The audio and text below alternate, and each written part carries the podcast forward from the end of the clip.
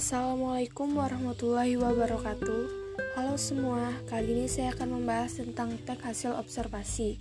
Pengertian teks hasil observasi adalah teks yang memberikan informasi secara umum mengenai suatu berdasarkan fakta dari hasil pengamatan secara langsung.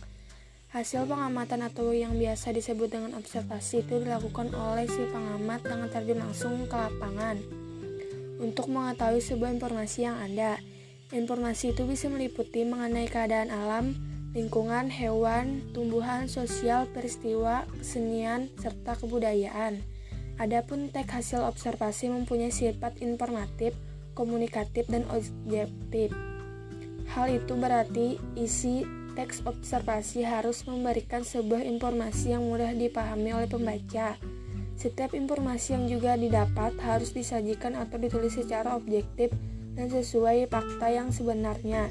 Dengan kata lain, tidak boleh dibuat-buat atau menurut opini sang penulis serta dapat dibuktikan kebenarannya.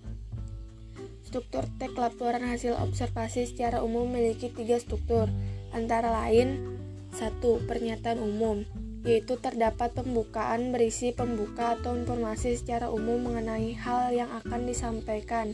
Bagian ini berisi hal umum tentang objek yang akan dikaji, menjelaskan secara garis besar mengenai objek tersebut. 2. Deskripsi bagian. Pada bagian ini terdapat isi rincian pembahasan dan penjelasan secara lebih mendalam mengenai informasi yang ingin disampaikan. 3. Deskripsi manfaat yang berisi fungsi atau manfaat setiap objek yang diamati dalam kehidupan kaidah kebahasaan teks hasil observasi.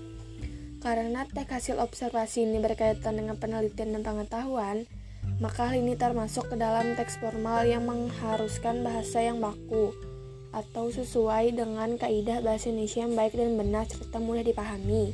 Jadi ada beberapa kaidah kebahasaan dalam teks hasil observasi yaitu 1. Menggunakan prasonomina yang diikuti pejenis dan pendeskripsi 2. Menggunakan verba relasional seperti ialah merupakan adalah yaitu digolongkan termasuk meliputi terdiri atas disebut dan lain-lain 3. Menggunakan verba aktif alam jal ini untuk menjelaskan perilaku seperti bertelur, membuat, hidup, makan, tidur, dan sebagainya 4 menggunakan kata penghubung untuk menyatakan.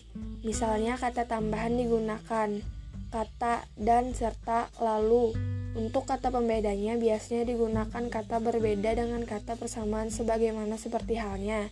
Demikian halnya, hal demikian sebagai hal yang sama. Lalu kata pertentangan seperti kata sedangkan, tetapi, namun, melainkan, sementara, itu, dan lain halnya. Lalu ada kata pilihan biasa digunakan kata atau 5. Menggunakan kalimat simplek dan kompleks 6.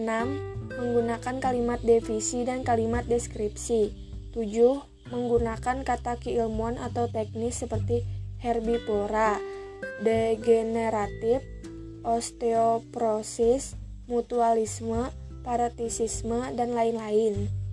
Sekian dari saya. Wassalamualaikum warahmatullahi wabarakatuh.